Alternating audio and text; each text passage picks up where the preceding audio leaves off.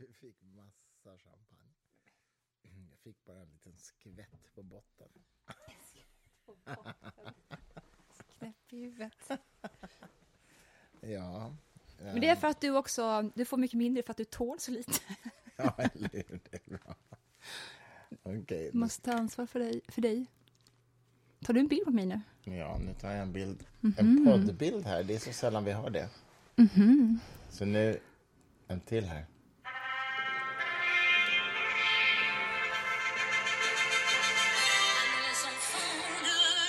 Där! Ja, eh, så.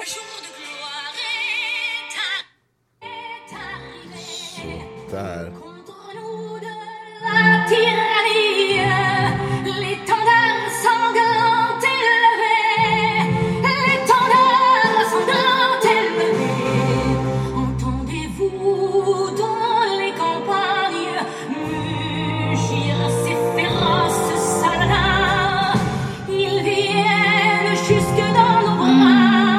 Känner du eh, nationalismen pulsera i dig, Sturmark? Är det för att det är Frankrikes nationaldag idag detta? Ja. Jag förstår. Vem sjunger? Eh, oklart, det är inte Edith i alla fall kan jag säga. Det är väl någon, lät väl lite som någon som har lyssnat för mycket på Edith istället. Men det var maffigt.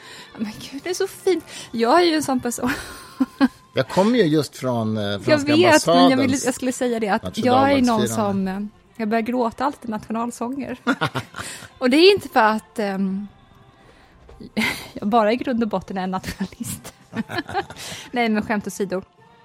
Jag minns när Svenska kyrkan gick ut inför för, förra valet och skrev i DN. Många utav dem som var på toppen av hierarkin, eh, ledda utav Antje Jackelén, skrev att alla former av nationalism är alltid av ondo. Det var rubriken faktiskt.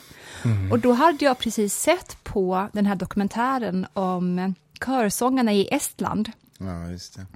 som hade Den över- sjungande revolutionen. Exakt. Och de hade verkligen överlevt ockupationen. Eh, den ryska, sovjetiska var det då, ockupationen. Genom att i hemlighet flera dagar i veckan träffas och påminna varandra om sin egen nation. Och de gjorde det genom att sjunga de här sångerna som gick tillbaka till men, folksånger. Eh, och som vars texter innehöll då vad de ansåg var centralt för Estland, till skillnad från vad som var centralt från Sovjet. Och det finns ju inget annat ord för det än nationalism. Men det är nationalism som en motståndskraft inför en osund nationalism. Som då den ryska stod för, eller sovjetiska stod för. Sovjetiska, ja. Men det, man får aldrig vara så... Jag vill inte att det ska vara så att man så ofta i den offentliga debatten faller åt att bara se saker som goda eller onda. Allting är alltid mycket svårare och allt har med kontext att göra. Kontext, kontext, kontext. Ja, du brukar säga det. Mm. Kontext, ja. Och, och att det inte är svartvitt heller, så att säga, alltid. Saker Mm. och ting. Alldeles oavsett kontext så finns det ju gråskalor också. Ja, precis. Och det är väldigt svårt för oss att bedöma var på skalan någonting befinner sig. För att det rör ju sig hela tiden också. Och man ska Skål. Fram... Ja, skål älskling! Vilken allvarlig början det blev ändå. Ja, Nationalism och svinga mot Antje. men det är ju alltså franska nationaldagen idag. Eh, Vi spelar ju in på fredagen den 14 juli. Och vi fortsätter med det här franska temat då, eftersom du började med Jacques Brel förra gången. Just det. Han var visserligen belgare, han. men han sjöng på franska. Ja, nästan alltid. Eh, utom till exempel i sången Marique, Mhm. där han sjunger verserna på franska, men refrängerna på, på flamländska. Ja. Sondre lift var med lift, det var det svarte dövel, det skurte dövel, ja, någonting åt det hållet. Jättefint i din röst. Sondre lift var med lift. Ja, jag kommer inte ihåg mer. Jättefint. Det är flamländska. Vad har du annars för em, relation till Frankrike? Jag, jag min sitter ju ganska hårt då eftersom Napoleon vilar i mitten av mitt hjärta. Ja, du är så nöjd nu när vi såg igår kväll trailern för den nya Napoleon-filmen utav Ridley Scott. Ja. Oj, oj, oj, det verkar ju maffig alltså. Ja, jag är lite orolig också. Ridley Scott har ju inte gjort någonting vettigt på väldigt, väldigt, väldigt länge. Men å andra sidan, maffigt det han har gjort Mm. är ju otroligt. Alltså tänk att han gjorde Alien 1, bara en sån sak. Tänk att han gjorde Gladiator. Ja. Jag menar, Mm. någon, att någon lyckas göra en av de två filmerna är otroligt. Men eh, den här All the money in the world som Christopher Plummer spelar i, som handlar om det här kidnappningsdramat i Italien. En jätterik amerikansk biljon, biljonär. Eh, han får sina barn kidnappade, eller barnbarn, men grejen är att han bryr sig inte om dem så mycket. Sann historia. ja, men. Ja. Eh, och sen så gjorde han ju då The House of Gucci nyligen också. Den såg Ridley vi. Scott, den såg vi. Den var väl, ja, den var väl Mm, Ja, men kul. Se vad Ja, vi hade, ja, men det var inte så att man gick ut från bion och kände att jag hade kastat bort en stund, Nej. men jag har inte tänkt på den sen dess heller. Nej, nej, nej, exakt. Nej, det, så är det ju. Faktiskt. Nej, men alltså du har ju din relation till Frankrike med Napoleon. Det är Mm. väl det som är. Nej, men jag har ingen specifik relation till Frankrike. Jag läste franska i, i gymnasiet och i högstadiet. Och eh, i högstadiet var jag ju jättekär i min franska lärarinna. Ja, vad är hon idag? ja, det är ingen aning. Men det var, här var ju Mariefred, liksom. Lilla, lilla skolan i Mariefred. Eller Åkers styckebruk. Det känns väldigt franskt att vara kär i sin franska lärare. Jag vet. Och jag vet att jag rodde över vattnet till hennes hus på andra sidan, mitt emot Gripsholms slott där och fikade med henne. det var fikade. hemskt oskyldigt. Det hände inte mycket mer än så. Nej. Och jag gick i åttan eller nian, men av någon anledning så bjöd hon hem i alla fall. Det kan man ju tycka är diskutabelt. Bara det. Men det blev inte värre än så. Men, eh, Det var bättre förr, tycker jag, när lärarna fick bjuda hem sina elever.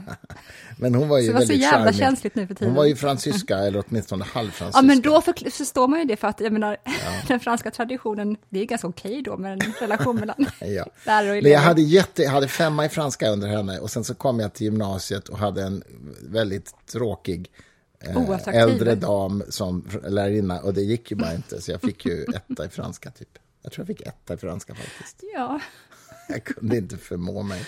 nej. Ja, Du, nej, sörj, men, du sörjde då fortfarande också kanske? All franska bara påminner om henne, så du bara, I can't stand this. ja. De här glosorna. Så när jag, varit, jag har varit lite, lite på, i, på nattklubbar i Frankrike, i Paris. Det har jag varit i, i en ungdom. Ja. Levt rövare lite grann. Ja.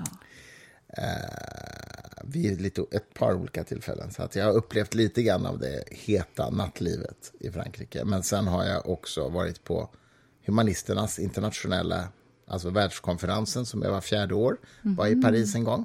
Okej. Det är rätt kul, får man ju träffa liksom folk från Afrika och Indien och så vidare som är alltså humanister motsvarigheten till det jag var då, nämligen ordförande för Sveriges förbundet Humanisterna. Varför var det i Frankrike? Eller Ja, men flyttade alltid- de runt det kanske? Ja, ja, de flyttade runt. Det var i Oxford ett år och det var i Paris ett år. Så att det, har, det har varierat. Jo, nu diskuteras det ju jättemycket i media, faktiskt senast Studio, Studio 1 idag på radion. Eh, Birgitta Eds prästkrage. Alltså Sveriges statsministers hustru, att hon deltog i NATO-möte eh, med iförd prästkrage. Och det här är då många som har synpunkter på det här fram och tillbaka. Borde hon ha gjort det eller inte? Ja, vad, vad, vad tänker du kring det? Jag, jag tycker det är proble- problematiskt, men jag är inte klar. Det finns både, för, det finns både argument för och emot. vad tycker du? Vad är din po- position? Om, eh, Om det var lämpligt alltså? om Ulf Kristersson innan han blev statsminister eh, hade haft en premiär som präst. Och, En premiär? Eh, en, eh, en, eh, nej men gud, karriär som präst. Karriär? ja, ja, som präst. Ja, ja. Och eh, jag menar, man har ju haft, i bästa fall, förutom vissa broilers där ute, Ja. så har man ju haft ett yrkesliv innan, ja, i bästa fall. i bästa fall. Bland Det är, inte, det, är för, det är för lite vanligt kan man säga. Ja, det kan man lugnt säga. Kan man lugnt bland säga. politiker. Mm. Och man märker det på eh, många som även vi träffar, att kontakten till verkligheten är ganska knaper.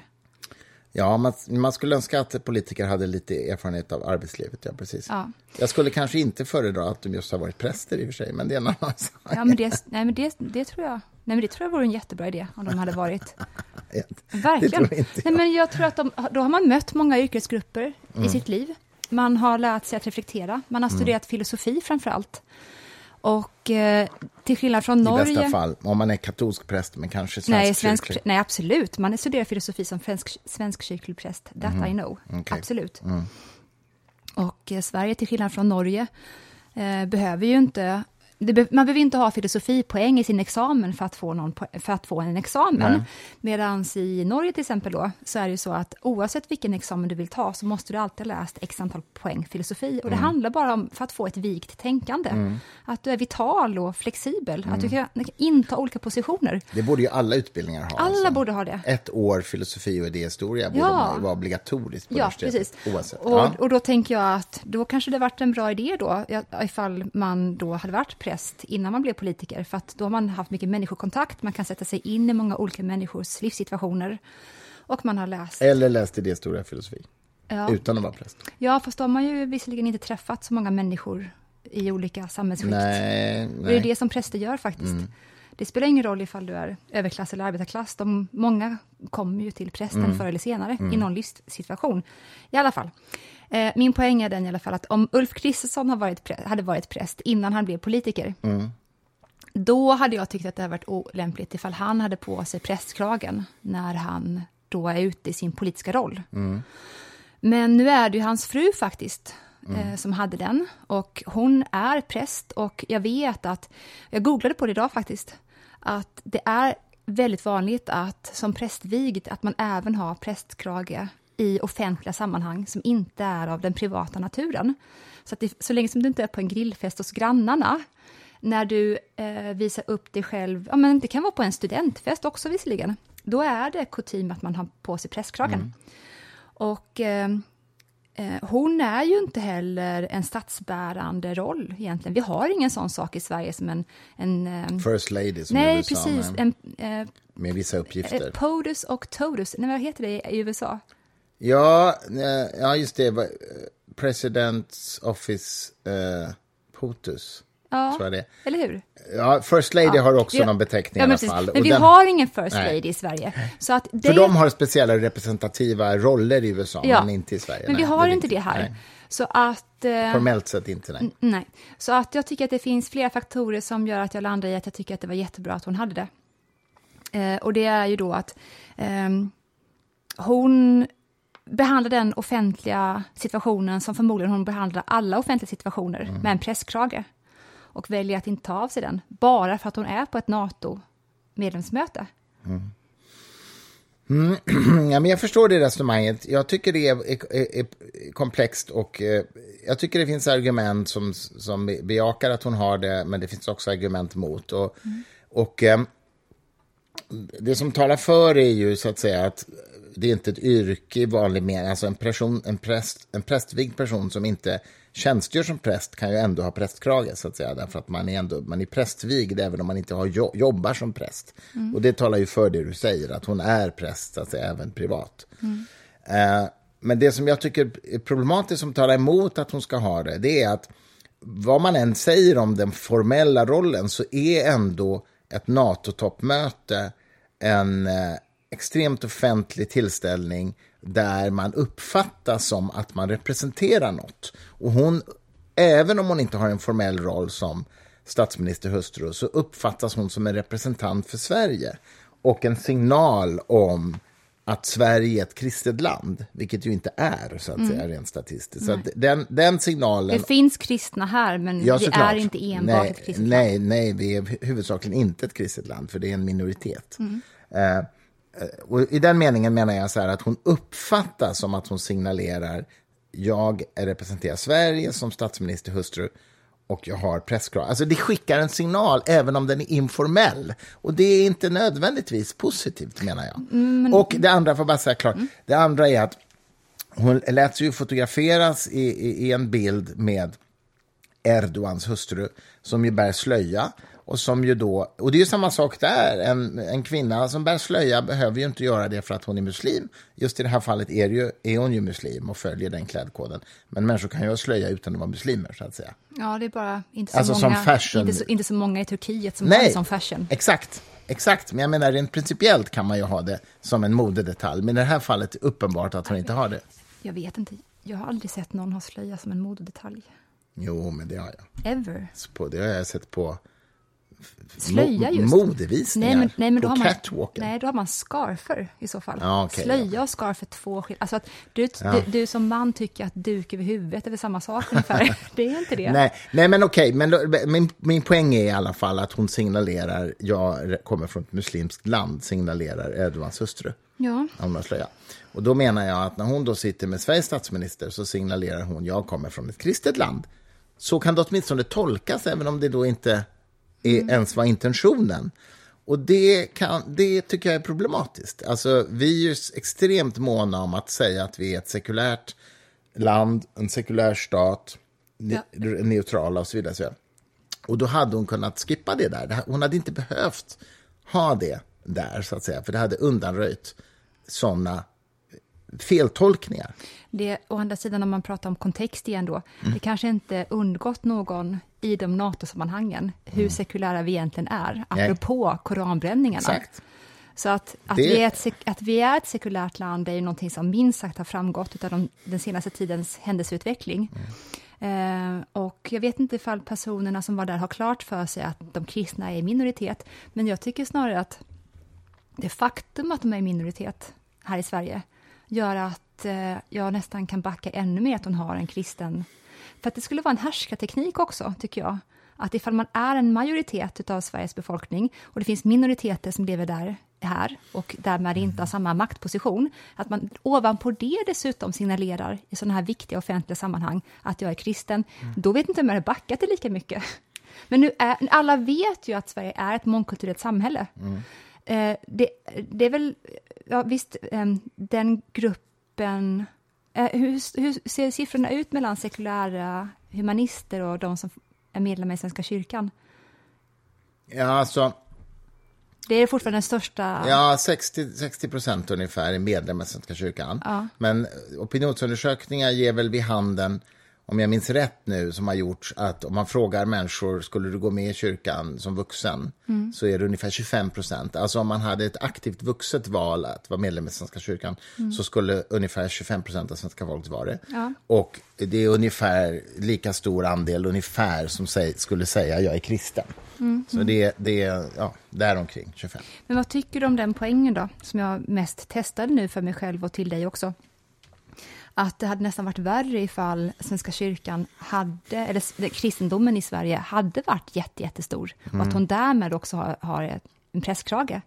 Nu är de ju en minoritet. Jo, jag förstår vad du menar. Samtidigt så är ju Sverige, har ju kristendomen inskriven i grundlagen, vilket den inte borde ha, men den har det. Ja. Bland annat kravet på statschefen, kungen, ska Så då är, frågan, då är det en semantisk Så fråga. det är kontext alltihopa Ja, precis. det här. Mm. Det är ju det. Och som du sa tidigare, Sverige är inte ett kristet land. Jag väntade med den frågan tills nu då. Men, men skulle man inte rent tekniskt kunna säga att det ändå är det, som den enda religionen som är inskriven i grundlagen är kristendomen? Ja, alltså, ja, och det är ju en definitionsfråga, som sagt. Det finns ett krav på statschefen att vara kristen. Mm. Det finns också en lag om Svenska kyrkan, eh, vilket det inte borde göra, tycker jag. Men det finns i grundlagen, eller inte i grundlagen, gör det inte, men i Svea rikes lag, alltså i lagboken, svenska Mm. lagboken. Eh, vilket är ju jättekonstigt. Svenska kyrkan är i stort sett den enda organisation eller konstruktion som inte har religionsfrihet i Sverige. Eh, Eh, Så i den meningen så har kristendomen en särställning i Sverige fortfarande. Ja. Och det är också ett argument för varför hon inte borde uppträda i presskrage då, menar jag. Därför att då, då ger hon den signalen, Sverige är ett kristet land. Och beroende på hur man tolkar det begreppet så är det sant eller falskt. Men eh, vilket beror, beror på hur man tolkar begreppet. Och, eh, och det, det är mycket elegantare att vara neutral på ett toppmöte, i NATO-toppmöte. Får jag ställa en fråga? Jag tror, dess, bara säga en sak till? jag tror dessutom att jag tror inte att det är ogenomtänkt det här. Jag tror att det har dryftats fram och tillbaks huruvida det här är en bra eller dålig idé på statsrådsberedningen.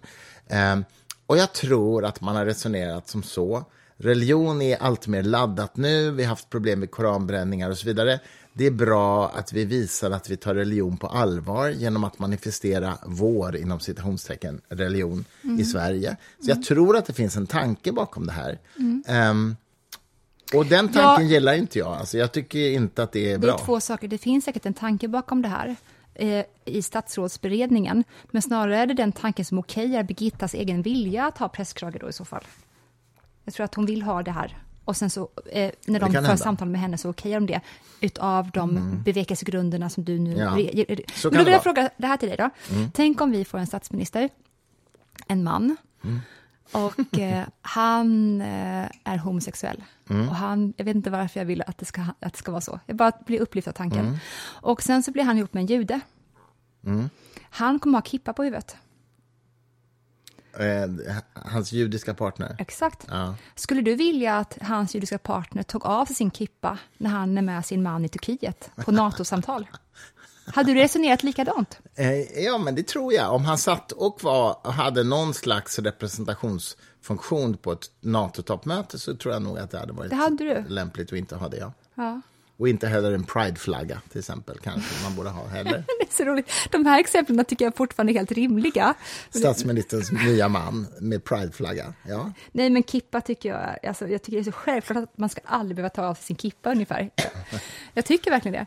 Men Jag vill bara eh, understryka då, får, då, får, då får faktiskt resten av världen anpassa sig. Ifall någon stör sig av att någon har en kippa på huvudet, då är det faktiskt their fucking problem. Jag måste bara säga, jag var ju på Georg Kleins begravning. Som jag, kom, jag lär, kom att lära känna honom under ett antal år innan han dog. Och han var ju väldigt uttalad ateist av judisk börd.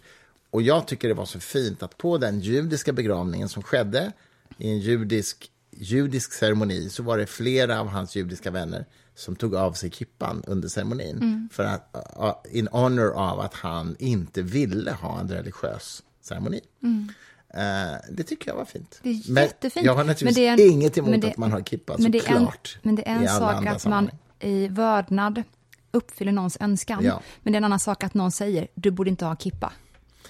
Nej, men, Det är en men på helt ett, mm, olika ja. saker. Men på ett NATO-toppmöte så tycker jag det finns en poäng att man inte har religiösa Jag symboler. tycker alla som är religiösa, jag tycker faktiskt verkligen att alla som är religiösa och ska vara på ett offentligt möte ska ha sina religiösa grejer på sig. Kan inte de bara vara en sund representation mål- mångkulturellt samhälle, inklusive som då är det religiösa? Har din kippa, har din presskrage, Mm. har din huvudduk. Kan inte alla bara ha det och visa yttervärlden att vi kommer ändå överens om viktiga saker? Men tänk om du skulle ha någon av våra statsråd som var prästvigd och sen blev statsråd. Ska de gå runt och ha prästkrage på sig i sitt jobb? Jag har inget problem med det, nej. Jag har inte det. Jag, jag, jag, jag, nej, Alltså, jag tycker det, inte det. det, det finns en renhetsiver i det där som jag tycker nästan är osund. Folk måste dyka upp som sig själva. Och sen Ja. får man hoppas bara att de har sin identifikation grundat på ett väldigt, väldigt bra sätt. Men Fast- hå- håller inte du med om det som jag snar, snarare nyss då istället? Det här att hade det inte varit vackert på ett toppmöte inom NATO att alla har sin tro närvarande, om det nu är en så stor del av deras liv. De kan vara statschefer, de kan samtidigt ha en kippa på huvudet eller ha en presskrage på huvudet. Nej, men alltså jag... Ska jag, de dölja det då? Ja, ja, ja, ja, jag Det menar är att inte, om man, det förljuget? om, man, om, man är, om man representerar en neutral stat så måste man signalera Men neutralitet. den är ju inte neutral, det var det vi sa nyss. Ja, ja, fast om du är till exempel domare Mm. så, eh, i Sverige så ska du inte sitta med religiösa symboler som Nej, men domare. jag tror inte att det är en eller polis, eller statschef, eller, eller vad heter det? De är av... inte folkvalda. Det är en helt annan sak. Folkvalda politiker ska Mm. stå för någonting i samhället i ett, en bredhet som också innefattar religion. Uppenbarligen, för att Mm. det finns religiösa i landet. De är inte folkvalda, de, de som du tar upp Nej, en, en, en polis eller domare är ju inte inte folkvalda. folkvalda. Nej, Nej. precis. Och de ska inte ha religiösa symboler i sitt utövande av sitt Absolut. ämbete. Ja. ja, jag förstår vad du menar. En folkvald, ja, De ska representera folket, och där finns religiösa. ja, en riksdagsledamot skulle kunna vara iförd prästkrage Mm. för att ha, hen är folkvald. Ja, men det är en poäng. En statsminister, hmm, diskutabelt. En Ja, statsminister ska... jag håller verkligen med om det. För att den ska vara på något vis den Allas, stora. ja. Exakt. Och är ju inte, riktigt, är ju inte folkvald heller på det sättet. Han kan, han, Nej. hen kan ha varit folkvald som tidigare riksdagsledamot förvisso, men inte som Men statsminister. precis, annars är det ju bara en, eh, en konsekvens av vad partiet tror är det bästa för. Ja, Ja, Så exakt. det är inte samma sak, du har helt Nej. rätt. Ja, men spännande. Det, det, här, det har ju blivit en stor diskussion om det här verkligen. Alltså, alla Mm. verkar ju ha åsikter om hennes närvaro på NATO-mötet. Och hon var som sagt, alltså Birgitta Ed, Kristerssons hustru, var gäst i Studio 1 idag. och hade en det så? lång diskussion om det här. Okej. Så att det, det har ju uppmärksammats mycket. Du tog upp det med mig i morse och jag hade inte sett det, för- i media alls innan dess, men det har blivit en stor grej idag. Det är för att jag har läst också vissa socialdemokratiska politikers angrepp om detta på Twitter. Twitter är ju verkligen, vi måste vara överens om att den som är väldigt aktiv på, twi- på Twitter, Twitter. ja, Twitter måste sluta vara det. ja, Det är inte, nej men för det är inte bra för den personens psykiska hälsa. nej. Om det inte är så att man twittrar jättemycket om klassisk musik eller sådär, då backar jag det. Men de som svingar samtidsfrågor Mm. eh, på Twitter dag och- natt är, är inte bra. Det är inte bra. Nej, det I alla fall, men mm. vissa socialdemokrater skrev ju då om att eh, ja, men hade Birgitta gått till NATO-toppmötet med en förlåt, Pride-flagga tatuerad i pannan, Ja, jag såg så är det. Man bara, men snälla människa, vem har det? Vem tatuerar sig i ansiktet och varför skulle Birgitta ha gjort det? Nej, Det var lite, varför kunde inte den personen som skrev det här, du vet vem, Mm. varför kunde inte hen bara nöjt sig med, med att säga, eh, ja men samma argument som du förde nyss, eller, eller ha en prideflagga runt armen eller vad som helst, varför måste den dra till en tatuering i ansiktet?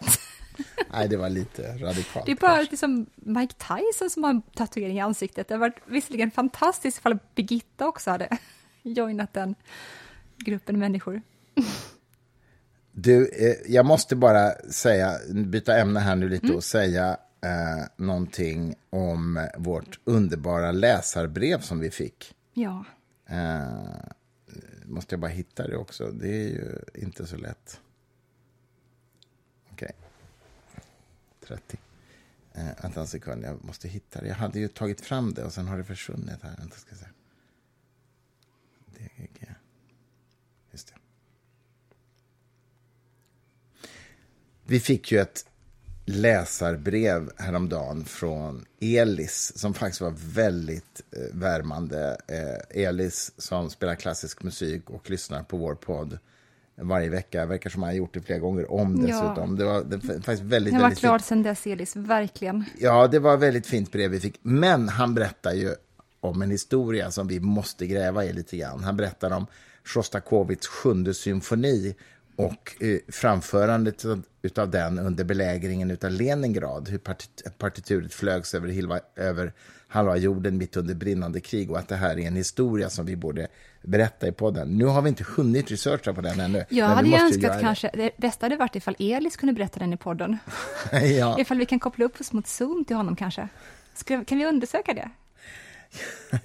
Kanske det. Vi kan researcha i alla fall. Vi kan Eh, researcha i alla fall. ja. Vi får se ifall Elis vill det också i alla fall. Men jag eh, eh, älskar ju Sjostakovitj ofattbart Ja, det här mycket. är ju din bakgård. Och det här är, ju- det är så kul för att Elis är ju då 19 och det var, sam, det var precis i den åldern som jag var i då jag var besatt av Sjostakovitj och jag älskar femman, femte symfonin. Um, också, när, när levde Sjostakovitj? eh, 1906 till 1975. Och det kunde du rakt Ja, men det var för att jag var besatt av honom. Ja. Och eh, det var ju kontroversiellt väldigt länge med Sjostakovitj eftersom han tillhörde de här kompositörerna som inte lämnade Sovjet. Han tog till och med emot och vissa medaljer därifrån. Och i denna hemska tid som vi befinner oss i nu, då vi konstant blandar ihop person och politik, så har det liksom lutat sig som en skugga lite över honom. Tack och lov så är ju faktiskt, mig veteligen den klassiska musikens värld, typ den sista bataljonen, som står upp emot den här idiotin att hur man var som människa ska konstant smitta över på verken man skrev. Eh, och det är ju faktiskt en, det är ju förmodligen också för att den här ehm, branschen har en grundkonservatism i sig som inte alltid är till godo, men i just det här fallet med att inte det ska alltid förenas vem, vad, vem man var som människa och vad man skapade. D- där håller de fortfarande liksom muren. Älskar det. Eh, så att eh, det skulle vara jätteintressant att prata med Elis mer om Sjostakovitj. Ja, och vi, vi, ska, vi ska researcha på just den här historien, alltså Mm. framförandet under belägringen av Leningrad. Det verkar ju vara en magnifik historia som ligger bakom. Du som lyssnar på The Rest is History, du, du borde mejla dem och tipsa dem om att ta upp det som ett ämne. Ja, Tom Holland. precis. Jag tror ju att de klarar av att släppa en till två poddar i veckan för att de bara eh, använder sig av material från deras specialområden. Och där ingår inte modern klassisk musik. Nej, det är nog så. Det är nog så. Jag hörde i alla fall ett sommarprogram som jag blev väldigt förtjust i, Lina Wolfs sommarprogram, Mm. om sin, sin översättning av romanen 100 år av ensamhet. Mm. Gabriel Garcia Marquez, Nobelpristagare i litteratur på 70-talet, tror jag han fick Nobelpriset. Mm. Ehm, I alla fall, det är faktiskt ett väldigt fint sommarprogram. Jag tycker ju att det är ganska låg nivå på sommarprogrammen generellt i år. Men det var ett fint sommarprogram. Ja, Riktigt fint. jag har inte hört det än, men jag ska Ja, verkligen men det. du ska göra det, för att du kommer gilla det alltså. Och eh, hur hon pratar om hur, liksom, hur hon lever med det här språket. Och hon har ju bott, hon talar spanska flytande förstås och har bott i Spanien. Och, och eh, hur hon liksom brottas med de här meningarna och sådär. Och jag visste inte att den romanens första mening har i någon slags allmän omröstning någon gång valts till världslitteraturens bästa första mening på en roman. Det är ganska roligt. Det är väldigt roligt. Och vet du hur den lyder? Den lyder så här. Första meningen är så här. Många år senare, när han stod framför exekutionspatrullen skulle överste Aureliani Buenida minnas den eftermiddag i det förflutna då hans far tog med honom för att upptäcka isen. Det är första meningen. Det är ju fint. Det är väldigt sätt. fint. Men jag måste också säga, apropå kontext då. Ja. Jag tror aldrig att den meningen hade vunnit om resten av boken var skit. Nej, nej, men det är såklart, såklart. Men det är ju jävligt smart att liksom skapa otrolig nyfikenhet. Han står inför att bli avrättad när han minns hur hans far tog med honom för att upptäcka isen. Alltså man undrar vad, vad fan är det som ska hända med den här översten? Ja, Och sen är det ju en, en, en, en berättelse av, om jag har förstått saken, jag har ju inte läst den här boken, men att det är en liksom berättelse om hundra år av en liten by. jag tycker inte att den är... Jag, jag blev, igår var jag extra öppen och du läste så fint för mig och vi var på en sån underbar plats, precis som vi är nu. Men jag har tänkt lite grann på den meningen och jag, jag tycker att den är, den är jättebra, men det är inte så att den golvar mig. Det är liksom inte... Nej, nej, nej, nej det är bra. Det är bra. Jag tycker att den, den Dickens som jag läste upp till dig igår, den tycker jag är ännu bättre. Hur var den då? Was, eh, ja, jag kan inte läsa upp den Nej, nu, men jag kan säga vilken bok den kommer ifrån i alla fall. Och det är ju A Tale of Two Cities. Och det är den klassiska som, jag kan bara säga lite grann, den är väldigt lång den meningen. It was the best of times, it was the worst of times. It was the age of wisdom, it was the age of foolishness. Och sen så går han vidare till att berätta att det här är en tid som innehåller alla paradoxer. Eh, det var en tid av helvete, det var en tid av himmel. Allting Ja, hade just det. Allt det. hade det. Ja, det, läste du. Har om. jag gåshud istället. Det, ja, den är fin. Den är fin. Den är superfin. Älskling, ska jag laga middag till Ja, dig nu nu? ska vi äta. Vad, vad, vad sa vi? Oxfilé och... Hängmörad så in i djävulen, står det på Så skylten. in i djävulen. Om jag hade haft en, sla- en släktaffär, jag menar sl- slaktaffär, Släktaffär. där jag säljer släktingar. Nu tänker jag på, nu tänker jag på Sweeney Todd, Sondheim-musikalen, där de ju barberaren som maler ner sina klienter i köttfärskvarnen. Och, Sweeney Todd. Jag hoppas att du spelar eh, musik från den nästa gång. Det kan det mycket väl Kan det vara så? Ja. Ja. Nej, men det blir då hängmörad oxfilé för att fira Frankrike. Eh, och sen så tänkte jag göra en kan- kantarellsallad, kantarell Ja, och gott. parmesansallad. Bra va? ja, underbart. Mm. Och det här är? Marseljäsen. Ja, Grattis Frankrike! Vi älskar dig, trots dina bekymmer. Du kommer klara det här, kanske. ha en, Tack jätte, ha en jättebra söndag. Tack för den här gången. Hej, hej. hej.